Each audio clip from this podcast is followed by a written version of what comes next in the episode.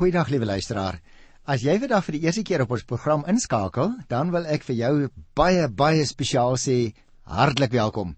Ek hoop jy gaan sommer gereeld inskakel en ook vir ander mense vertel van ons program. Ons is besig om die Bybel sistematies deur te werk van Genesis tot Openbaring. Ons doen gewoonlik so een of twee Ou Testamentiese boeke omdat daar meer boeke in die Ou Testament is en dan wissel ons dit ook weer af met 'n Nuwe Testamentiese boek. So as ek klaar is een van die dae met twee Kronieke, gaan ek so die Here wil begin met 1 Korintiërs ter wille van die afwisseling. Nou ons is besig met die kronistiese geskiedwerk. En vandag is ek by 2 Kronieke hoofstuk 21 en ek gaan ook hoofstuk 22 behandel. Nou, miskien net terwille van die geskiedenis, ek het 'n uh, vorige kere al so hier en daar verwys na vroom ouens wat lelike foute gemaak het volgens die kronistiese geskiedskrywer. Een van hulle was die vroom man Josafat. Hy het net soos koning Saul in sy lewe baie goed begin, maar later het hy dinge gedoen wat vir sy mense tot groot nadeel was en in 'n sekere sin ook in skade en in skande die graf ingegaan. Nou hierdie Josafat het nou meer kinders gehad, maar in vandag se program wil ek oor twee van hulle met jou so 'n bietjie gesels. Die een is Joram en die een is Ahasia. Hulle was albei die seuns van Josafat en onthou nou, Josafat was 'n baie vrome man, maar uit 'n vorige program sal ek jou sê een van die domste dinge wat hy gedoen het, is dat hy sy dogter Atalia gegee het om te trou met die seun van die goddelose koning Agab was sy naam en sy ewe goddelose vrou Esebel Hulle het op die troon in Samaria gesit van die Noordryk en hulle het die Here glad nie gedien nie. En hulle het ook die Noordrykse mense geleer om baie afvallig te raak want mense loop maklik agter afgode aan. En dit het daar ook gebeur. En toe daardie dogter van die vroom Josef wat nou trou met die godlose uh seun uit die Noordryk, toe het daar nou allerlei moeilikheid gewag vir die suidryk Juda. En nou is ons op die punt van die geskiedenis dat ons kan kyk na wat die gevolge was van Josefat se dom besluit om sy dogter te gee aan 'n heiden as vrou. Ek wil eers so 'n bietjie met jou gesels oor hierdie uh seuns en by name Joram. Nou moet ons tussen hakies onthou en ek wil dadelik sê ons moet dit nou nie verwar nie want 'n koning Agab in die noorde het ook 'n seun gehad met die naam Joram.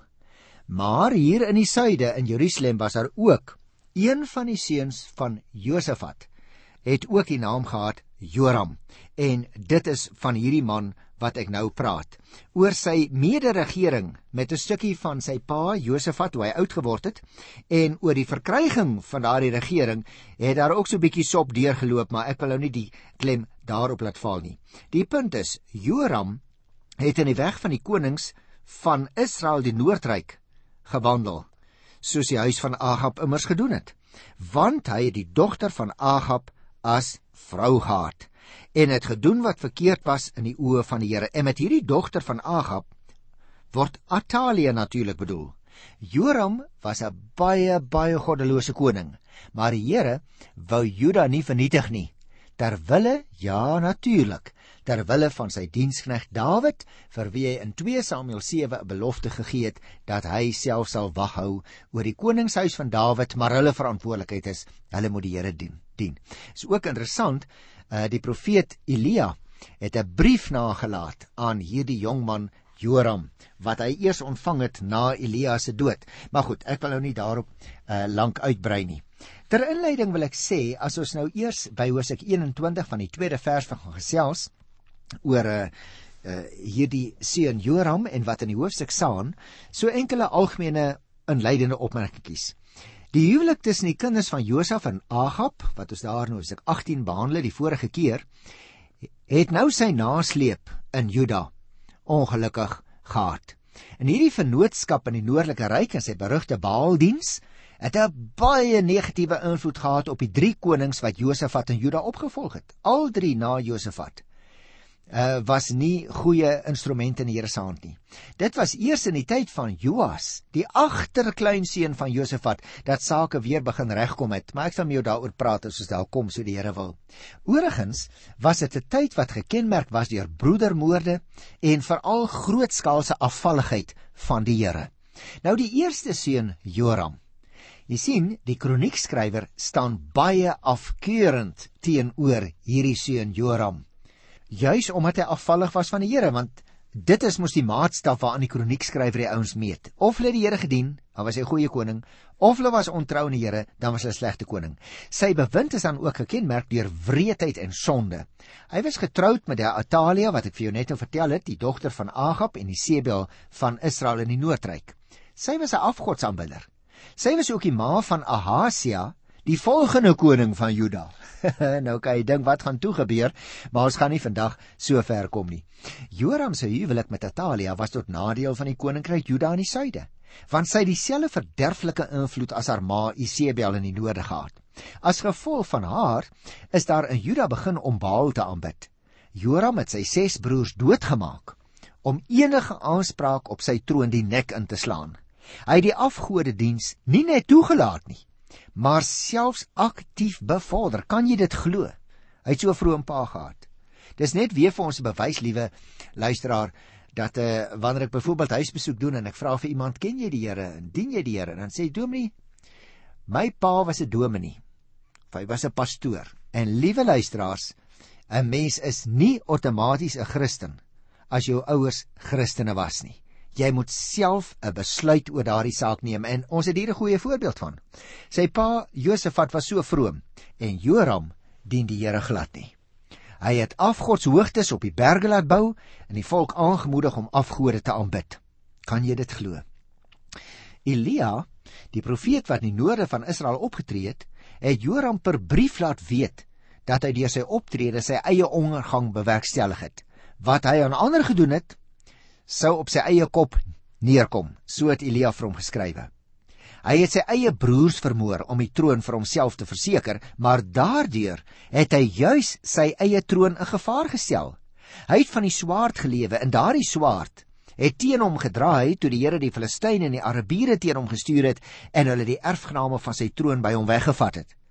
Hulle het net die jongste seun, wat normaalweg nie die aanspraak maak op die troon is nie, laat oorbly. En so het Joram eintlik sy eie troonopvolgers tot niet gemaak. Hy het ook die afgodsdiens verbaal, die god vir vrugbaarheid en lewe onder sy volk aangemoedig. En daardie luisteraars het hy die toren van die Here oor homself gebring. Die Here het by hom die lewe weggeneem en hom aan 'n dodelike ingewand siekte laat sterwe. Daar's baie spekulasie oor wat se siekte dit is uh, wat hom sy lewe gekos het uiteindelik, maar nou ja, ons hou ons nie in ons program met die spekulasie besig nie. Joram dink ek, liewe luisteraar, is vir ons 'n voorbeeld van die selfvernietigingsmag wat daar soms in goddeloosheid skuil. Mense wat teen God draai, is verantwoordelik vir hulle eie ondergang. Hulle draai weg van die Here af. In baie kere, hoe verder hulle van hom af weggaan, hoe dieper gaan hulle die duisternis van God verlatenheid in. Ons moet onthou in ons sondigheid ook wil, wil ons as kinders van die Here ook gerieflikheidshalwe verander die skuld gee vir ellende wat oor ons kom. Ons is egter meermale dink ek die draaiboek skrywers van ons eie lewensdramas hoor. Maar goed, kom ons kyk na hierdie teks by 2 Kronieke Hoofstuk 21. Ek lees eers net vers 2 en 3. Joram het 'n hele paar broers gehad. Dan kry jy nou hulle name en dan staan daar, hulle was almal seuns van koning Josafat van Juda. Hulle pa het vir hulle groot geskenke gegee: silwer, goud, ander kosbarehede, ook vestingstede in Juda, maar die koningskap het hy aan Joram gegee, want die was die oudste. U sien, liewe luisteraar, Joram het ses broers gehad wat by die naam genoem word. Hulle het almal van hulle pa, lees ons, groot geskenke ontvang. Mm, daar sit ons al by deel van die probleem. Selfs stede gekry. Dit wil sê, hulle is as goewerneurs in hierdie stede aangestel. Daar was so 'n bietjie voordeel vir hulle, né, om die seuns van die koning te wees, die prins in die paleis. Nou Joram, die oudste, kry as eersgeborene volgens die wydverspreide gebruik van die ou ooste destyds die reg om sy pa op te volg. En hierop was daar soms uitsonderings moontlik. Maar as die pa natuurlik self hom as opvolger aangewys het, soos ons hier kan aflei, was die reg onbetwisbaar vers 4 of 5 sê: Nadat Joram die koningskap van sy pa oorgeneem het en seker van sy saak was, het hy al sy broers en ook van die Israelitiese leiers laat vermoor. Dan sê vers 5: Hy was 32 toe hy koning geword het. Hy het 8 jaar lank in Jerusalem geregeer.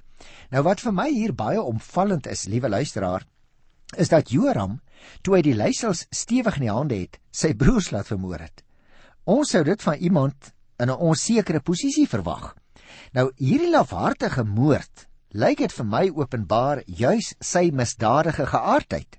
Sulke misdadigheid kan nie ongestraf bly nie. In teenstelling met sy pa Josafat, oor wie die kronikus 'n baie gunstige oordeel uitgespreek het, is die oordeel oor Joram, die oudste seun wat in sy plek pa se plek koning geword het, 'n verdoemende uitspraak. Luister nou ook na vers 6 en 7. Hy het die pad van die konings van Israel geloop soos die koningshuis van Agab gedoen het, want hy was getroud met 'n dogter van Agab. Hy het gedoen wat verkeerd was in die oë van die Here. Die Here wou egter nie die koningshuis van Dawid uitroei nie, want hy het Dawid met 'n verbond gesluit en het beloof om vir Dawid en sy nageslag die troon vir altyd te verseker. Jy sien liewe luisteraar, die Here onthou altyd wat hy beloof het. En daarom is die Here se trou baie groter as die ontrou van hierdie jonge man. Vers 8 tot 11.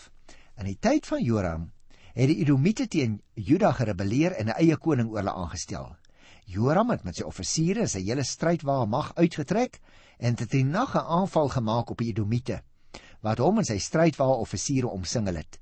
Die Edomite het egter tog onafhanklik geword en is dit vandag nog. In die tyd het ook Libna teen die gesag van Joram in opstand gekom. Dit was omdat Joram nie die Here die God van sy voorvaders gedien het nie. Bovendien het Joram hoogtes ingerig in die berge van Juda, die inwoners van Jerusalem tot ontrou verlei en Juda 'n verkeerde pad laat loop. Jy sien baie duidelik wat hier gebeur. En vir jou wat dalk die eerste keer inskakel, wil ek sê, die kronikus beoordeel altyd die geslaagdheid van 'n koning aan die vraag of hy die Here gedien of gedien het of nie. Met ander woorde, die kronikus sien dan ook in hierdie tekste wat ek nou gelees het, in die teenspoed wat Joram kry, daarin sien hy die straf van die Here wat oor hierdie jong man kom, omdat hy nie die Here dien nie. Die oordeel van die Here luisteraars blyk uit die neerlaag volgens die kronikus wat Joram gelei het teen die Edomite en die Filistyne, ook die verlies van grondgebied wat in vers 10 genoem is, van sy vrouens en sy kinders op een na Hulle is almal uh, ook dood. Kyk na die 17de vers en ook die ongeneeslike siekte waaraan hy uiteindelik aan die einde van sy lewe sou doodgaan na van vers 18 af. So hier in vers 12 tot by vers 19. Ehm um, kry ons 'n brief wat hier uh gelukkig is 'n gedeelte daarvan ten minste vir ons aangehaal word wat Elia geskryf het. Daar het vir hom 'n brief van die profeet Elia afgekom wat soos volg gelei het. So sê die Here die God van jou voorvader Dawid. Omdat jy nie die pad van jou vader Josafat en die koning Asa van Juda geloop het nie, maar die van die konings van Israel en jy Juda en die inwoners van Jerusalem net so ontrou laat word het as die familie van Agab en jou familie, sal jy en jou familie jou eie broers, beter mense as jy, laat vermoor het. Daarom sal die Here 'n groot lamp, ramp bring oor jou volk, jou kinders, jou vrouens en al wat jy besit. Nou ek wil hieroor net 'n paar opmerkings maak, liewe luisteraars. U kan maar die hele brief self gaan lees as jy wil tot daarby vers 19. Want baie merkwaardig is hierdie brief eintlik van Elia wat na Joram toe kom. Elia moet ons onthou was waarskynlik al dood op hierdie stadium. Maar die brief is 'n profesie wat vir Joram veroordeel, 'n profetiese stem uit die noordryk waarvandaan die verkeerde invloede ook afkomstig was want onthou Elia het opgetree in die noordryk. Dit was veronderstel dat almal in Juda vir Elia geken het. Net soos die geval was met die goddelose koning Agab, hy het hom baie goed geken. In die profesie word Joram nou daarvan beskuldig dat hy verantwoordelik is vir die ontrou van sy volk en sy gesin word tot vernietiging en hy tot 'n ongeneeslike kwaal verdoem. Ek het vir jou gesê, ek weet nie wat dit is nie, sy ingewande wat verrot het, is ouens wat sê dit was darmkanker, maar ek wil my nou nie daaroor uitlaat nie want ons weet doodgewoon nie. Die solidariteitsgedagte word hier beklemtoon. Die sonde van die koning bring nie net ellende oor homself nie, maar ook oor sy gesin en sy onderdane.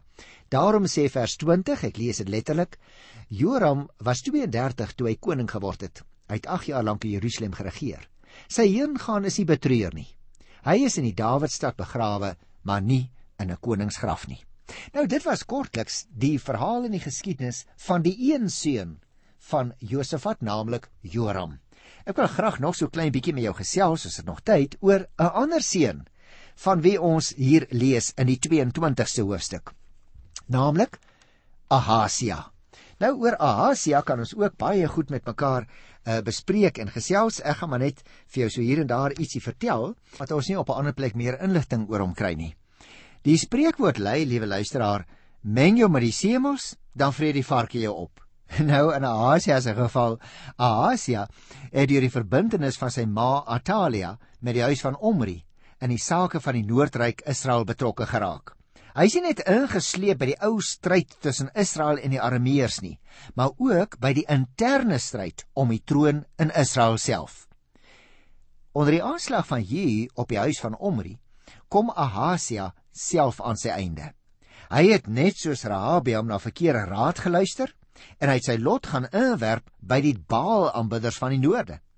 Daardeur het hy natuurlik 'n deelgenoot geword aan die oordeel wat God deur Jehu oor die huis van Omri voltrek het.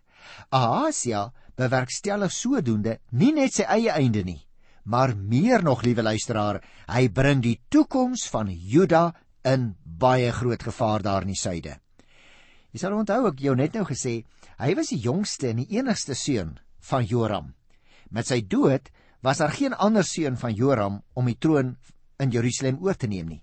Dit lyk voorlopig of die huis van Dawid tot 'n einde gekom het en of die belofte van God om Dawid se familie vir altyd te laat regeer nou deur menslike toedoen tot niet gemaak is. So sny iemand wat met die verkeerde mense omgaan, nie net sy eie keel af nie, maar soms ook die van sy familie.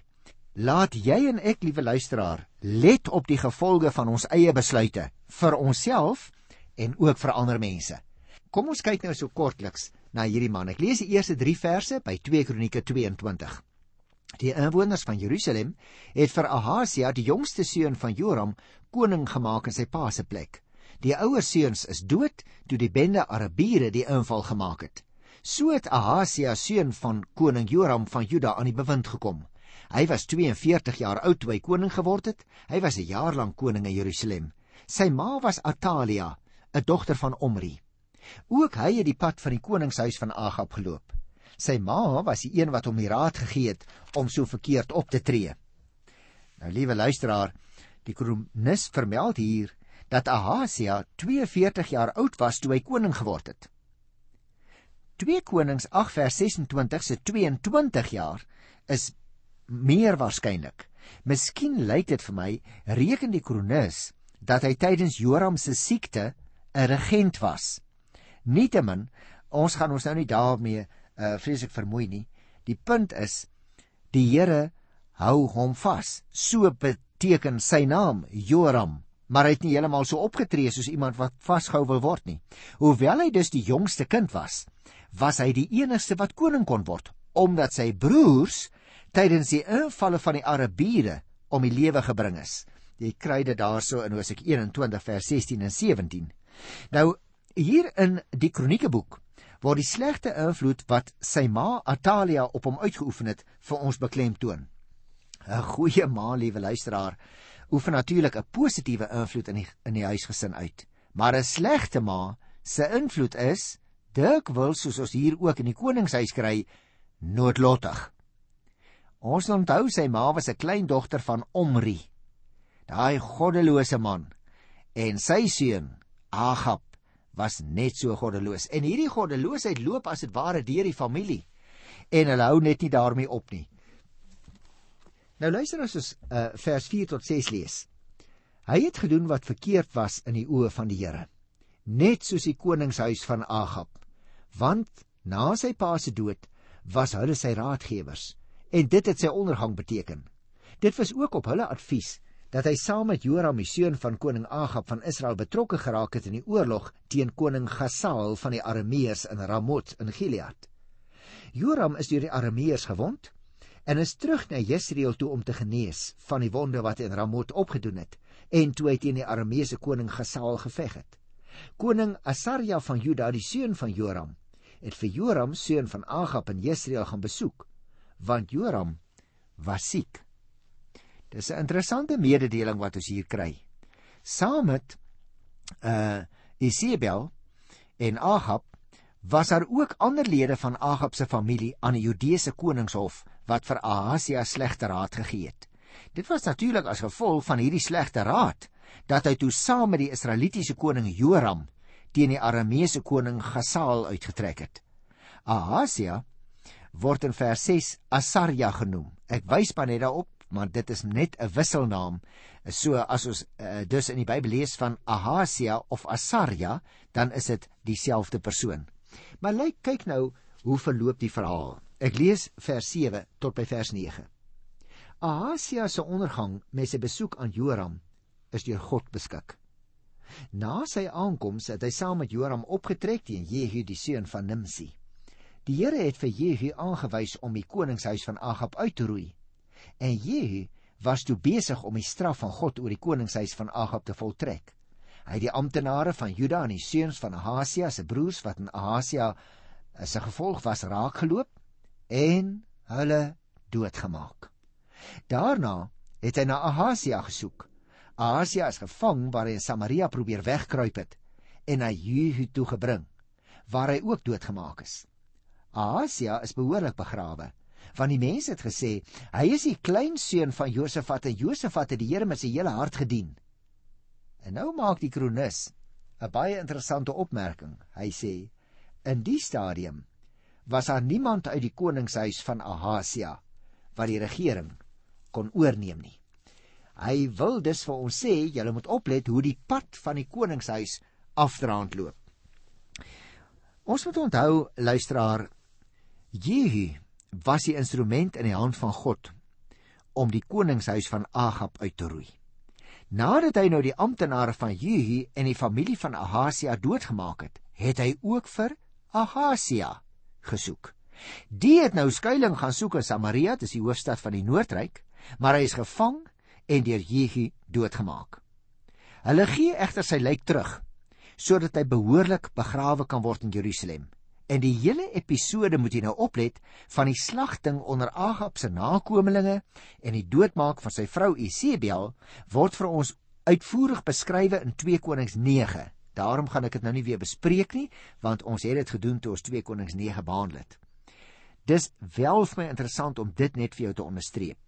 Die kronikus noem nie al die besonderhede nie, maar hy beklemtoon aan die een kant dat die uiteindelike lotgevalle van Ahasia die straf is vir die feit dat hy met die koningshuis van die Noordryk geassosieer het en hom deur hulle laat beïnvloed het. Aan die ander kant en dit is my laaste opmerking in hierdie verband, word die feit dat hy behoorlik begrawe is in Jerusalem gesien as 'n stukkie genade van die Here se kant. Hoekom? Omdat hy 'n kleinseun van koning Josafat, sy oupa was. En dan staan daar wat die Here met sy hele hart gedien het. Daarom wil ek vir jou sê, liewe luisteraar, die trou van die Here loop soms baie ver deur in die geslagte. Miskien weet jy ook van iemand wat die Here gedien het. Na die tyd het daai ou se seun die Here nie gedien nie. Die kleinseun het hom nie gedien nie en dan hier in die derde of die vierde geslag dan betoon die Here weer genade. Daarom moet jy onthou, Die Here se genade lê baie wyer as sy oordeel. Daardie uitspraak in die 10 gebooie wil nie sê dat die Here ophou genade betoon nie en ek wil dit aan jou ook aanbied in nederigheid in die naam van ons koning. As jy vandag na ons program luister en nog nie 'n beslissing geneem het nie, nog nie jou hart vir die Here gegee het nie, jy is so welkom. Mag ek jou 'n vraag vra? Wil jy dit nie maar doen nie? Ek groet jou dan tot volgende keer in die wonderlike naam van ons Here. Tot dan. Totsiens.